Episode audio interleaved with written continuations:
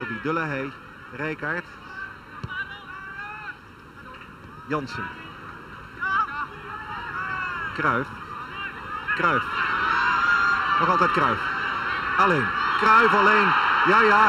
Wat zou je hiervan zeggen? Ja, een klasse. Een werkelijk een klasse doelpunt. Een formidabel doelpunt opnieuw van Johan Cruijff. De goal opnieuw van een grootmeester. Hij komt van de linkerkant van het veld.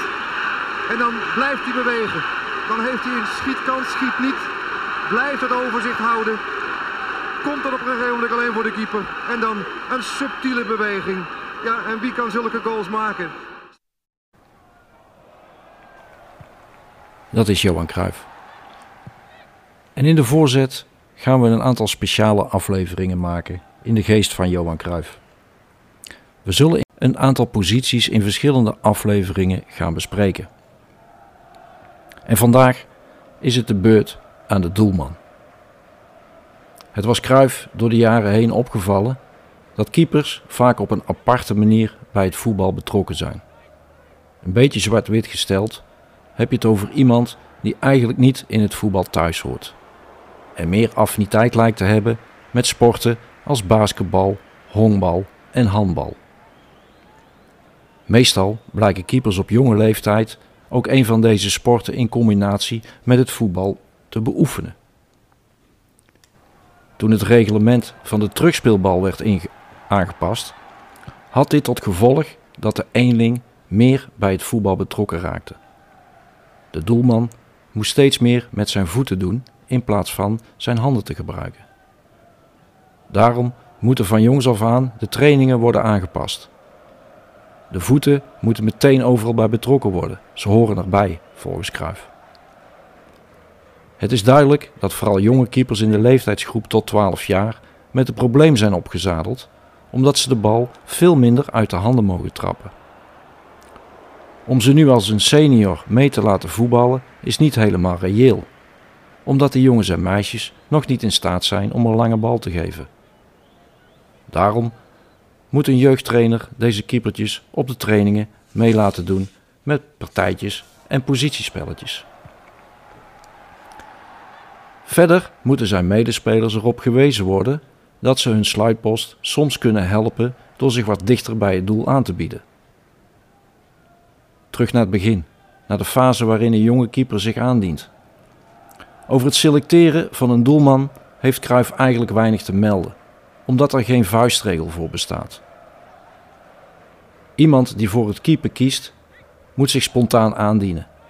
Bovendien is hij er geen voorstander van om zo vroeg mogelijk mensen al in een vakje te stoppen.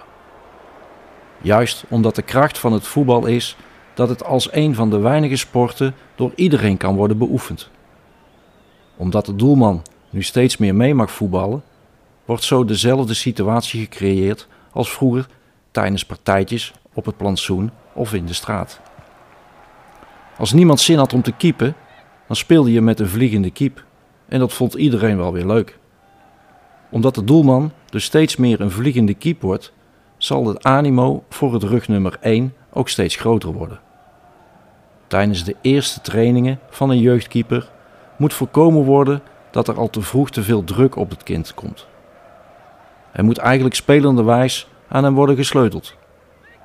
Een van de eerste elementen waar wel bewust op getraind moet worden is het vallen.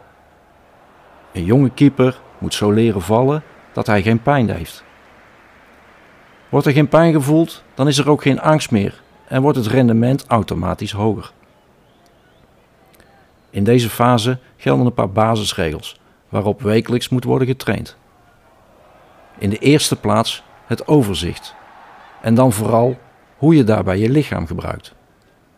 Dus niet alleen trainingen op het kijken, maar ook op het bewegen. Dan heb je natuurlijk het vangen van de bal, het controleren van de bal en het anticiperen op de situatie als je de bal eenmaal onder controle hebt. Dat is de basis. Van daaruit ga je steeds een stapje verder. Waarbij je als trainer nooit uit het oog mag verliezen dat de perfecte keeper niet bestaat. Net zoals er nog nooit een perfecte voetballer is geweest. Het zal duidelijk zijn dat tijdens zo'n proces de invloed van een trainer erg groot is. Juist omdat bij het talent van de jonge doelverdediger moet helpen ontwikkelen en met veel zaken rekening mee moet houden. Neem de groeiperiode, waar ieder kind tussen de 12 en 16 jaar mee te maken krijgt. Een van de belangrijkste problemen waar een jeugdkeeper mee kampt, is zijn coördinatie, een wezenlijk onderdeel van het keepen. Er is niets makkelijker dan te roepen dat zo'n jongen er niets meer van kan. Belangrijker is dat je als trainer een dergelijk proces onderkent en ook als zodanig begeleidt. Vaak zie je dat na verloop van tijd de keeper steeds beter met zijn situatie overweg kan en zich vervolgens weer verder ontwikkelt. Zoals de begeleiding van een doelman ook op latere leeftijd heel persoonsgericht moet blijven. Kracht- en conditietraining zijn eigenlijk alleen nodig voor mensen die dat daadwerkelijk nodig hebben. Heb je voldoende kracht, dan kun je je beter het accent gaan leggen op andere dingen.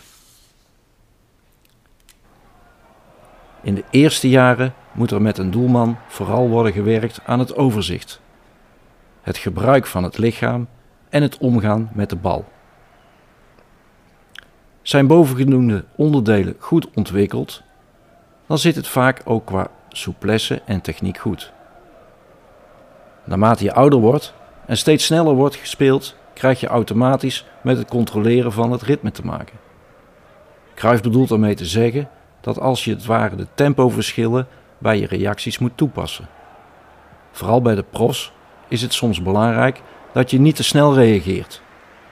Het doseren van het reactievermogen is vooral voor de gevorderde keeper een belangrijk element dat nauw samenhangt met de innerlijke rust. Daarmee is een doelman in zijn ontwikkeling in de eindfase beland. Zorg dus steeds dat in de jeugd de basisprincipes van het keepen worden aangeleerd.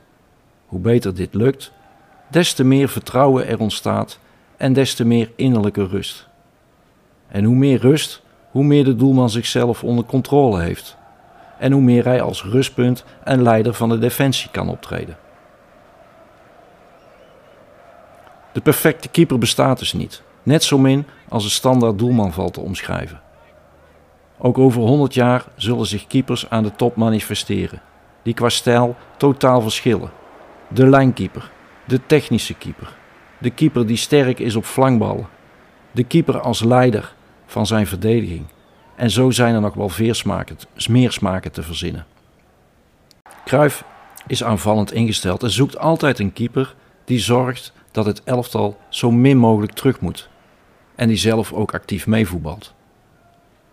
Iemand die heel veel rust uitstraalt en weinig ballen nodig heeft om in vorm te raken, omdat hij per wedstrijd vaak maar twee of drie keer echt in actie moet komen.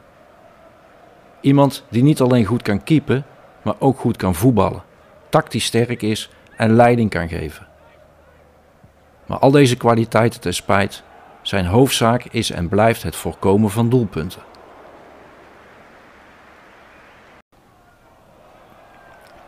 De vijf tips van Kruif. Zorg dat de bal niet in het doel gaat. Hoe dit gebeurt, komt pas op de tweede plaats. Zorg dat je de technische onderdelen van het keeper goed beheerst. Coach de achterhoede. Probeer ook als voetballer te denken en te handelen. Straal rust uit.